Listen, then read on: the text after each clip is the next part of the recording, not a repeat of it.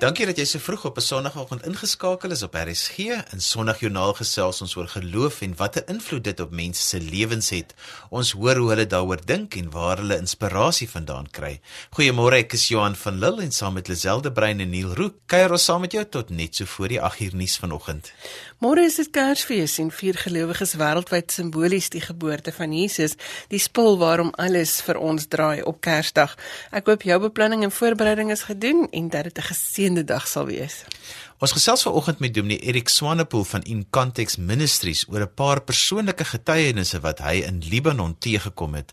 Stefan Enslin gesels oor sy pad van verandering en Jakobus van der Linde vertel vir ons van wat hy doen om gelowiges bewus te maak van ons verantwoordelikheid teenoor die aarde. Ons sluit ons gesprek oor adventklere met Dr. Janie Leroux af vandag wat dan ook sommer ons program sal afsluit. Sondagjoernaal is saam met die meeste van RSG se programme as 'n potgooi beskikbaar. Jy kan gaan luister op RSG se webwerf by rsg.co.za en jy kan ook al die programinligting daar kry. Ons laai dieselfde inligting elke week so teen donderdag se kant ook op ons sosiale media bladsy. Onthou dat jy ons ook kan SMS by 45770 as jy met ons wil saamgesels en ons hoor baie graag van jou.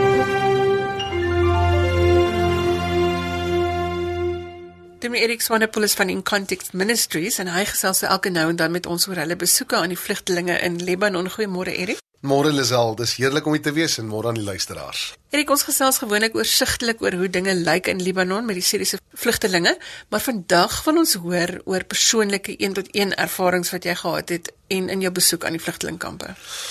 Ja, Lisel, dit was 'n voorreg. Dit voel elke keer as 'n ou in die Midde-Ooste instap met die seisoen waarbinne in die Midde-Ooste homself bevind asof jy letterlik in die Nuwe Testament instap. Die skrif sê Jesus is vandag, gister en môre dieselfde. En 'n mens het baie keer die idee dat die wonderwerke wat 'n ou van lees in Matteus, Markus, Lukas, Handelinge, Johannes, dat daai goed alles beperk is tot 2000 jaar terug. En dieselfde wonderwerke wat ons in die skrif lees, gebeur vandag steeds. So ons besoek onlangs aan Lebanon was net weer eens vir my 'n uh, realiteit om te sien Jesus is lewendig loop in die strate van die wêreld rond besig om sy volk bymekaar te maak.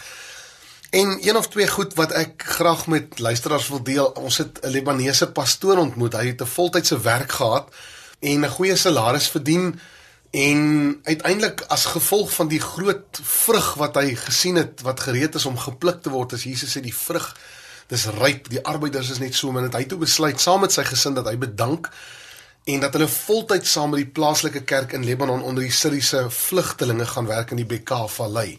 Dit het beteken hy verloor sy salaris, daar is geen finansiële sekuriteit nie en van die gemeente se kant af is daar dan 'n honorarium maandeliks of baie keer weekliks dat hy sy gesin kan onderhou. En dit was vir my so kosbaar ons sit in die in die busie terwyl ons van die een dorp na die ander dorp toe ry en hy deel met ons sy 9-jarige dogtertjie vra op 'n stadium vir hom pappa Ek wil graag 'n papegaai hê. In Suid-Afrika se konteks vra ons kinders vir ons hamsters of hulle vra marmot, maar hierdie dogtertjie wil 'n papegaai hê. En hy sê in sy hart raak hy onmiddellik vir haar vies want hulle het nie eens geld vir kos nie as gevolg van die keuse om weg te stap van finansiële sekuriteit om net saam met die gemeente te werk om hierdie massas vlugtelinge te akkommodeer en met die evangelie te bedien. Nou wil hy vir sy dogtertjie in 'n sekere sin sommer half skel omdat sy dit durf waag om 'n papegaai te vra terwyl hulle sukkel om kos op die tafel te sit. En hy sê nou soek hy woorde om met haar te praat daaroor.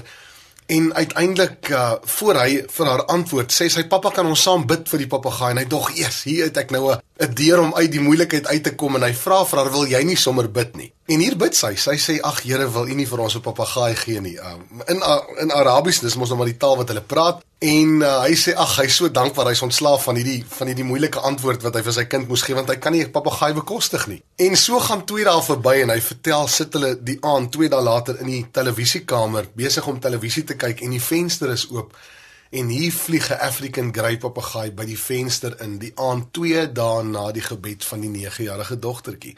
Dit was vir my maar net weer eens 'n uh, net 'n eye opener as ek die Engelse woord kan gebruik om net herinner te word daaraan as die as die gebed van gelowiges voor die troon van die Here gaan, die Here luister na die gebede van sy kinders. Nie dat ons nou met enige wêreldse versoek na hom toe kan gaan en my vingers kan klap en nou kan kry wat ek wil hê nie. Maar dit het weer eens vir my net herinner daaraan as ons die Here se troon nader soos hierdie klein dogtertjie die geloof het van 'n kind. Die Here luister na die gebede van sy kinders. Ons is in Suid-Afrika en ons is op moeilike tye ekonomies, ons is op moeilike tye polities. Ons is op so baie plekke op op op die vraag wat moet ons as as volk Suid-Afrikaners doen? Dat 'n ou so half op moed verlore se vlakte is op soveel terreine in Suid-Afrika en, en hierdie een verhaal vanuit Lebanon het my net weer laat besef ons hoop lê daarin dat ons die Here se troon sal nader oor enige iets en dat soos 'n goeie vader sorg vir sy kinders, sal die Here ook vir ons as Suid-Afrikaners sorg binne in sy wysheid, binne in dit wat in sy wil inpas en dat ons die Here moet nader. Vra en vir julle sal gegee word. Soek en julle sal kry. Met kinderlike vertroue. Kinderlike vertroue. Daar's nog 'n storie oor 'n vliegtuig. Ja, dit was net so 'n kosbare ding. Ek praat met 'n ander kerkleier die predikant self wat werk onder die vlugtelinge om weer eens vir hulle te ontvang en te bedien want die vlugtelinge is nie Christene nie en en hulle het van buite af hulp nodig en op 'n stadium nooi 'n gemeente in Finland om om by hulle te kom kuier. Hy vlieg Finland toe saam met sy vrou en op pad terug uh Lebanon toe stop hulle by Frankfurt. En en hy sê dis so 'n uh, uh, uh, paar uur wat hulle dan moet oorbly. Hulle klim hier die vliegtuig uit nie en uiteindelik is die vliegtuig afgelaai en opgelaai en hulle is in die laaste been op pad van Frankfurt af Lebanon toe. En uh 'n uur en 'n half in die vlug sê sy vrou sy wil gou bene rek, sy wil verby hom kom en hy staan bietjie terug en sy stap uit en uiteindelik is sy badkamer toe en hy sê hy gaan lê so terug binne in die sitplek en hy maak sy oë toe en terwyl hy sy oë toemaak, sien hy 'n beeld in sy geestesoog waar die kaptein 'n afkondiging maak en hy hoor in sy geestesoog die kaptein sê This is your captain speaking. We have to turn around to Frankfurt. We have lost some power in one of the engines.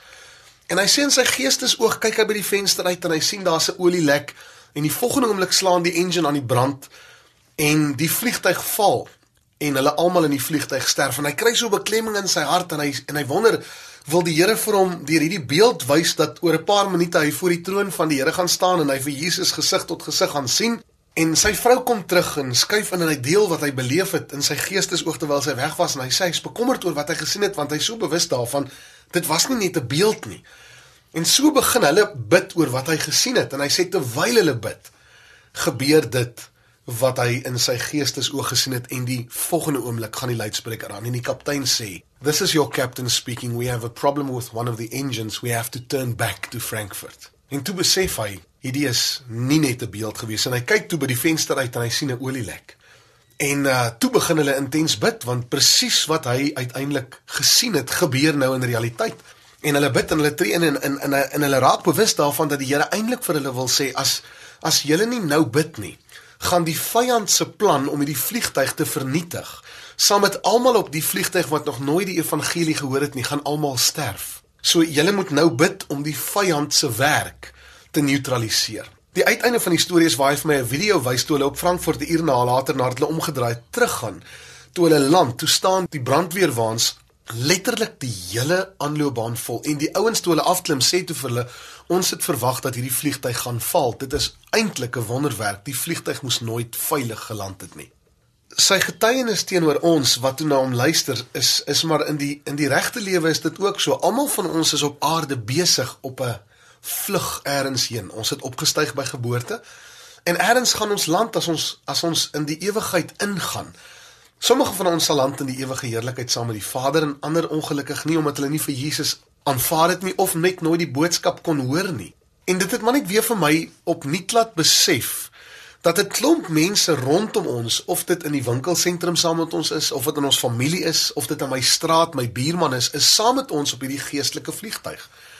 En as as ons as Christene nie intree dat die vyand se werk in mense wat Jesus nog nie gesien het nie as daai werk nie geneutraliseer word nie val hulle uiteindelik in die ewigheid in sonder die geleentheid om Jesus te ontmoet as hulle persoonlike saligmaker. So weer eens herinnering vir my as gelowige om bewus te wees daarvan vir mense saam met my op die lewensvliegtuig en dat ek moet bid dat die vyand se werk om mense se lewens tot 'n einde te bring sonder dat hulle toegang het tot die tot die heerlikheid van dit wat Jesus vir ons gedoen het aan die kruis sal hulle verlore gaan die voorreg dat ons kan intree en die vyand se werk kan neutraliseer. Weer gebed, so waar vir Suid-Afrika ook. Ware verhale van regte mense om jou te inspireer om te bid vir verandering, om te bid vir jouself, om te bid vir die mense reg rondom jou. Erik, baie dankie dat jy hierdie verhale met ons gedeel het vanoggend. Ja, baie dankie vir die geleentheid en luisteraars is welkom om ons webwerf te besoek as hulle meer wil weet oor die tyd waarin ons leef en stories van verandering. Geef ons daar 'n webwerfadres. Die webwerf is www.incontextinternational.org. Dis die Engels in context international.org. Ons het gesels met Dominee Erik Swanepoel van In Context Ministries. As jy sopas ingeskakel het, sê ons goeiemôre. Jy luister na Sondag Joernaal saam met Johan en Dezel. Neil Roo is ons tegniese regisseur. Gemaak gerus 'n draai op RSG se webblad by rsg.co.za. Alles wat jy van RSG wil weet, sal jy daar kry. En as jy kortpad roete wil vat vir Sondag Joernaal se inligting, sal jy dit ook op ons Facebook bladsy kry. Ons laai alles so teen 'n donderdag van elke week. Stefan Enslin is 'n skrywer en vervaardiger en sy maatskappy se naam is Faith in Motion Productions. Hy het 'n storie van verandering wat alles in sy lewe verander het. Goeiemôre Stefan. Hallo, self gaan dit daarso. Dit gaan met ons baie goed. Dankie baie. Dankie dat jy vanoggend bereid is om jou storie met ons te deel. Jy het as 'n stadsbeplanner in Engeland gewerk voordat jy teruggekom het Suid-Afrika toe. Van stadsbeplanner na draaiboekskrywer en fliekmaker is 'n groot sprong. Wat het jou genoop om te verander? Dieselfde was maar eintlik 'n ding van ek wou maar altyd drama gedoen het. So toe ek nou klaar met skool en ek moet nou besluit wat ek gaan doen, het ek en my ouers saamgesels en daai destyds was dan nie regtig 'n toekoms of 'n loopbaan in die filmbedryf in Suid-Afrika gewees nie. So ek moes eintlik maar 'n 'n droom van kunsbeen af moes ek nou maar op sy geskuif het en 'n uh, nuwe loopbaan of 'n droom gaan probeer weet bou. So ek het eers teologie gaan studeer, ehm um, en agtergekom ek is nie regtig op daai stadium het ek nie gevoel ek is geroep om 'n dominee te wees nie. So ek het toe verander na ehm um, argitektuur toe wat ek ook gevoel het dit is nie wat ek wil doen nie. Ehm um, ek het grafiese ontwerp probeer, ehm um, toe stads- en streekbeplanning en seker so 2 jaar in stadsbeplanning en het ek vir my ouers gesê dit is dis nie wat ek wil doen nie, maar my hulle het toe gesê maak net eers klaar wat jy begin. Dit kry dit net eers agter jou naam. So ek het dit toe nou maar klaar gemaak. Ehm um, en toe ek gaan skool hou vir so 'n kwartaal en ek is toe daarna as ek Engeland toe waar ek toe nou as 'n stads- en streekbeplanner begin werk het. Maar die droom was nog altyd om op 'n manier terug te kom in die filmbedryf. So wat ek toe gedoen het is ek het eintlik maar half begin om 'n uh, eh, so ek het so so 'n webwerf gehad waar ek begin series en DVD's en goeders begin verkoop het. En op 'n stadium het my fokus eintlik meer begin draai na besigheid toe.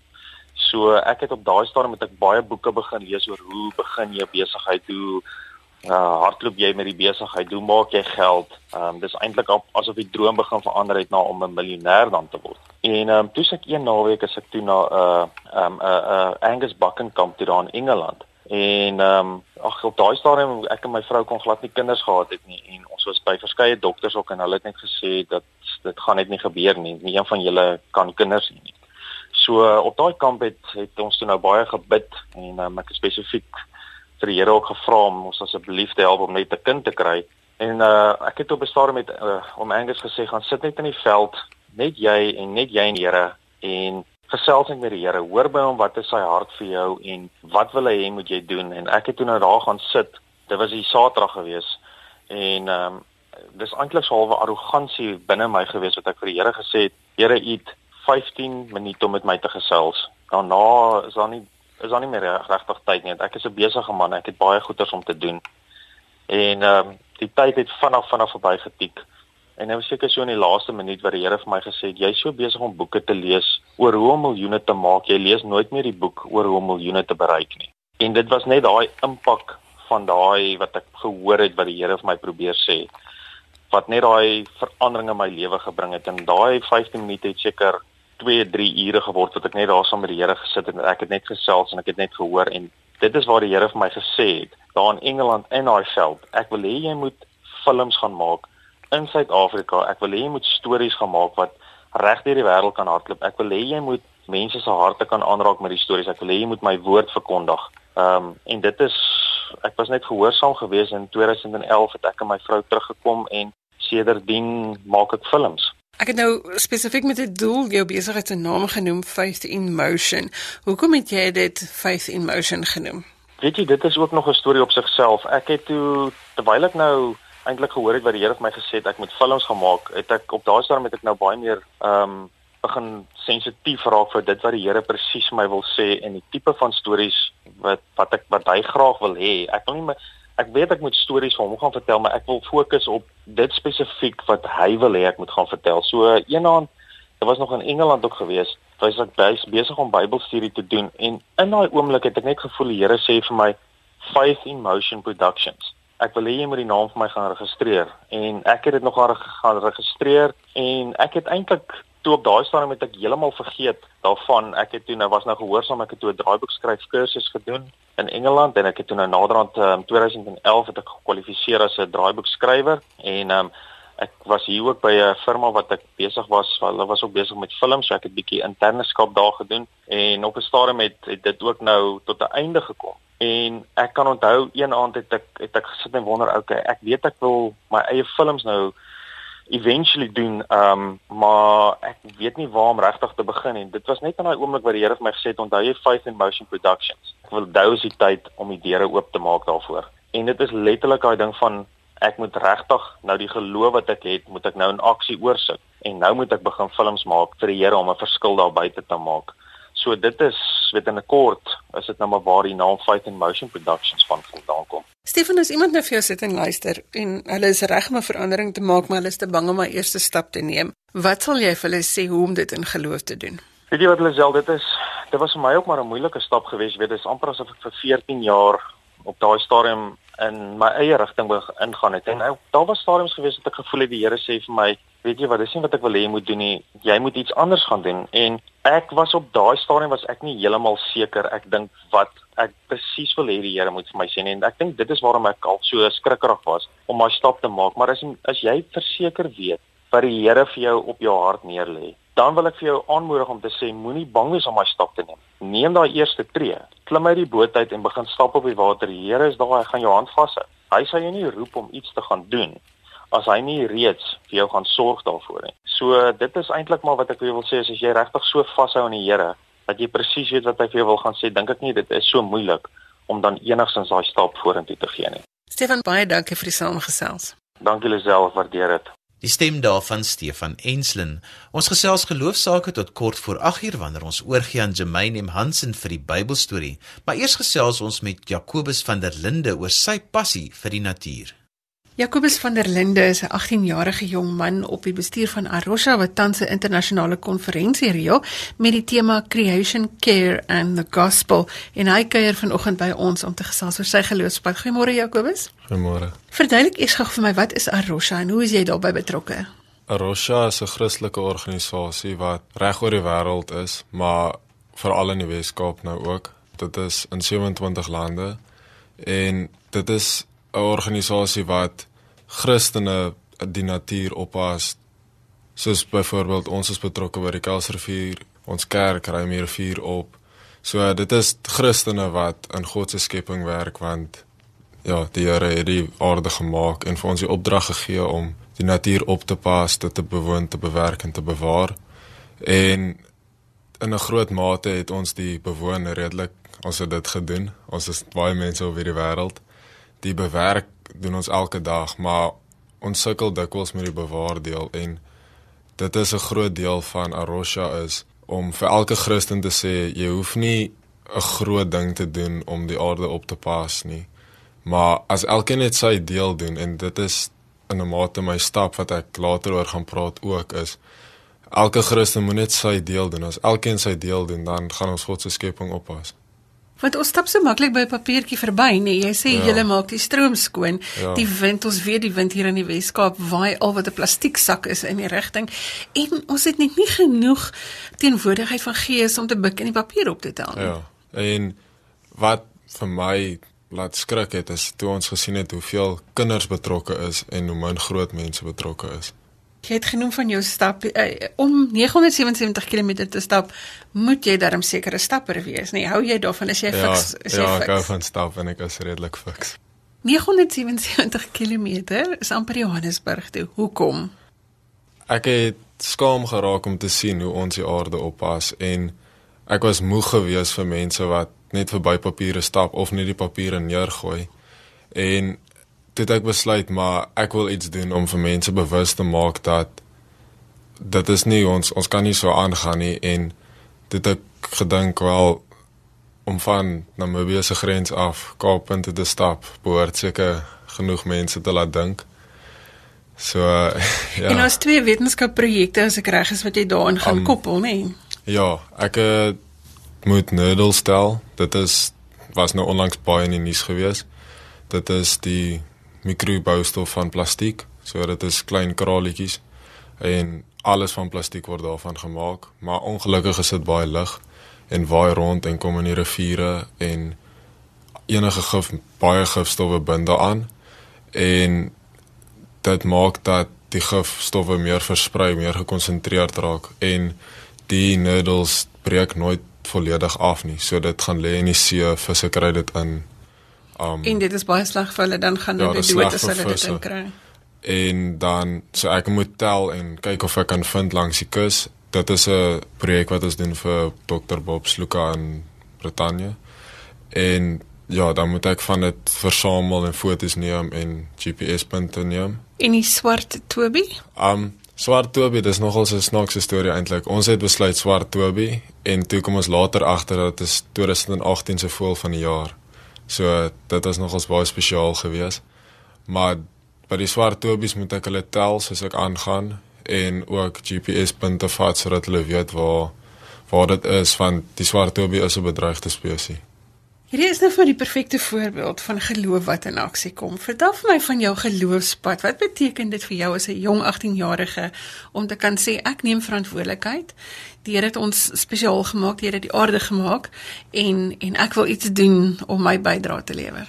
Um ek dink dit het te, te maak met liefde vir die Here want ek dink as jy lief is vir die Here, dan sal jy nie wil papiere rondgooi nie want deur papiere rond te gooi maak jy om seer want jy sê ek gee nie om nie.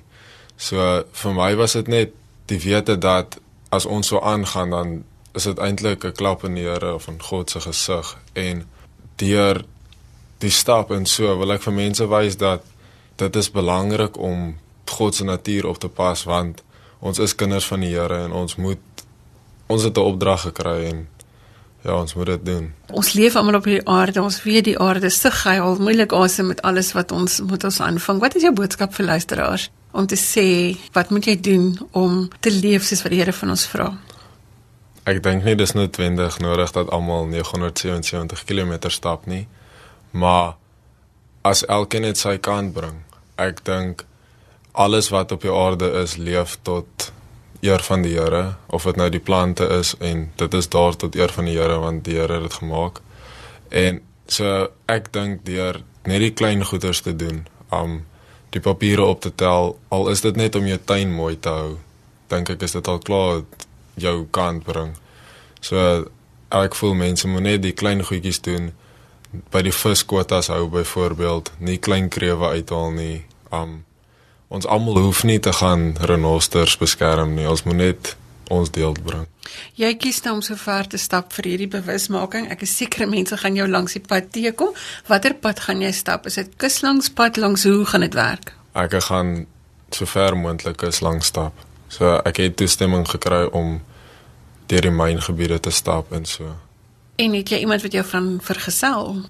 Nee, ek doen dit alleen en dan kry my ouers my elke 3 dae en dan gaan hulle net weer vir my nuwe kos, nuwe water gee en dan gaan ek weer aan. Jakobus, jy het gekies om jou staptog Footsteps to Good Hope te noem. Waar kom die naam vandaan? Die naam bestaan uit 3 dele. Eerstens dat ek stap van die grens van Namibië af na Cape of Good Hope, so dis die roete wat ek gaan volg. En dan tweedens is dit dat ons as jong mense van Suid-Afrika in die wêreld die goeie hoop het dat ons 'n verskil kan maak En derdens is dit dat ons as Christene die goeie hoop het dat die Here eendag gaan terugkom en die aarde weer gaan herstel. Baie dankie Jakobus dat jy vir ons so 'n goeie voorbeeld stel en ons wil graag van jou hoor as jy klaar gestap het oor wat jy alles gekry het en hoeveel plastiek daar rond gesaai is. Baie dankie vir die saamgesels. Nou ja, as elkeen van ons ons eie verantwoordelikheid nakom om minder plastiek te gebruik en weg te gooi, sal dit 'n groot verskil maak. Dominee Janie Leroux is volgende aan die beurt en ons gesels vir oulaas oor die kleure van Advent. Ons is aan die einde van ons aftel na Kersfees wat die adventklere aanbetref en Dr. Janie Leroux gesels vanoggend vir oulaas met ons oor die onderwerp. Hallo Janie en welkom weer terug hier by ons. Hallo Lisel, hallo Johan. Baie dankie. Ons het verlede Sondag gesels oor die vryheid van vreugde en hoe dit verbind is aan die opsteek van die rooskleurige kers in die erediens. Watter kleur staan ons vanoggend by stil? Vandag is die sogenaamde 4de Adventsondag. Nou hierdie Sondag word gevier as die Sondag van liefde.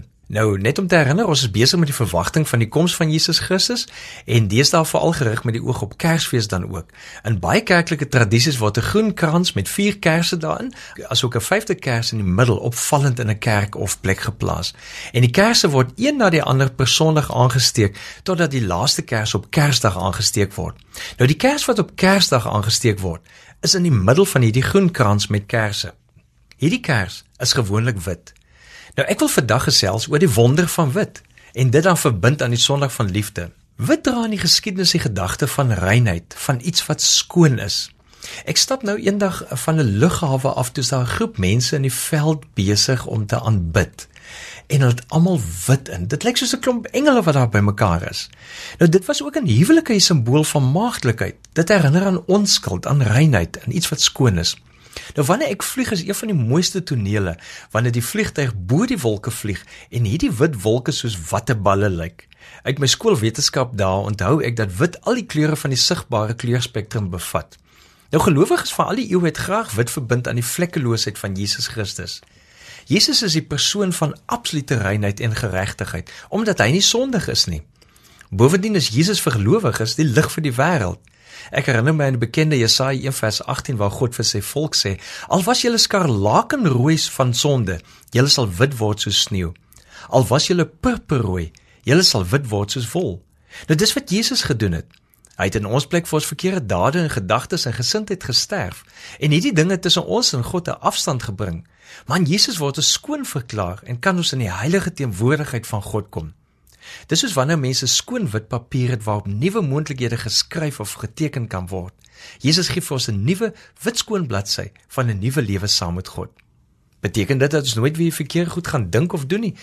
Nee, ons is nog menslik, maar dit beteken ons verkeerde word onmiddellik in Jesus se naam vergeef as ons daarom vra. Die wonder van wit herinner my dat ek elke keer in Jesus nuut is. Nou is dit so wonderlik dat op Kersdag die wit kers aangesteek kan word as herinnering en simbool van Jesus se koms. Wanneer ons dit aansteek, voel gerus hierdie wonder dat Jesus vir jou so liefhet en dat hy sy lewe in jou plek opgeoffer het. Beleef die wonder van wit in die helder lig wat uitstraal en die donkerte verdryf. Ook die donkerte van die dood is nie meer nie, want deur sy opstanding het Jesus lig in die dood geskyn sodat ons hemels lewe na die dood. Ja, nou verbind jy hierdie wonder van wit aan die Sondag van liefde wat vandag gevier word. Eintlik is elke dag natuurlik 'n dag van liefde. Die wonder van wit laat my besef dat elke dag 'n wit bladsy is waarop ons liefde kan teken. So dikwels bly mense dae en selfs jare lank vir mekaar kwaad en gee nie vir mekaar 'n kans om weer wit skoon te kan word en liefde te kan ervaar of gee nie. Nou onlangse navorsing het weer gewys dat die enigste ding wat regtig heeltyd in ons lewe vreugde bring, is betekenisvolle verhoudings. Liefdeloosheid, haat, kwaad trek lelike strepe op die wit bladsy. So gee liewer weer vir liefde 'n kans. Skryf saam met iemand vir wie jy lief is 'n nuwe storie op hierdie wit bladsy of selfs as 'n selgroep of as gemeente. Ek het eendag toe ons weer 'n groep op 'n pelgrimstoer geneem het gevra dat elkeen in die bus net die sin sal voltooi met die sinnetjie ek glo. Nou wil maar skryf toe neer op 'n wit bladsy wat elkeen sê. Elkeen op daardie bus het sy of haar sinnetjie gevoeg by die ander sin en met eens het hierdie groepe samebinding beleef deur hierdie gemeenskaplike geloofsbelijdenis. Dit het nie begin met voorwaardes of 'n bepaalde uitkomse gedagte nie. Dit het net begin by 'n skoon wit bladsy en almal sin is daarop saamgevoeg. So steek vandag 'n wit kers op en sit ek kyk daarna tot dit al stiller word in jouself. Verwonder jou aan die wonder dat God jou raak gesien het. Toe God lank terug al gesê het, al was jy skarlakenrooi van sonde, jy sal ook wit word soos sneeu. Al was jy purperrooi, jy sal ook wit word soos wol. Of kyk in die kerk lank na daardie wit kers wat tussen al die ander kersse brand. Beleef die wonder dat God jou onthou. Want in Jesus het ons die wonder van God se liefde ontvang. In Jesus kan ons die wonder van God se liefde met mekaar deel. Daarom is dit met hierdie liefde 'n nuwe begin wat ons Kersdag binne gaan. In die wonder van wit lig kom al die ander kleure bymekaar. Dis die wonderlike dat Paulus skryf vir Galasiërs 3 vers 28. Daar's nie meer Jood of Griek nie. Daar's nie meer slaaf of vryman nie. Daar is nie meer man en vrou nie, want julle is almal een in Jesus Christus. Nou een jaar soos daar in die bovertrek in Jerusalem en verskillende kulture en tale is in daai een vertrek saam. En ons groep begin sing toe die oorwinningslied. En die ander volkere herken daardie wysie en hulle sing in hulle eie taal saam totdat dit een massakoor van lof vir Jesus word. Sulke hoendervleis oomblikke. En ek besef daar in die lig van Christus Jesus se liefde is almal een in Jesus. Dis die wonder van Kersfees. Baie dankie Jannie vir hierdie wonder van wit wat in liefde oorgaan wat jy vanoggend met ons gedeel het en geseënde Kersfees vanmôre. Baie dankie selfde vir julle almal. Dr. Janie de Roo die afgelope 4 weke gesels rondom die kleure van Advent. Ons is aan die einde van vanoggend se program oor geloofsaake. Totsiens. Kan vir my e-pos met kommentaar of as jy 'n geloostorie met ons wil deel, by my e-posadres lazel@wwmedia.co.za of jy kan ook vir ons 'n boodskap deur die webwerf stuur by rsg.co.za en onthou asseblief om jou kontakinligting by te sit as jy die RSG adres gebruik sodat ons vir jou kan antwoord. Tot volgende week groet ek namens produksieregisseur Neil Roo. Maak 'n punt daarvan om vandag iemand se dag makliker te maak. Tot volgende week. Totsiens.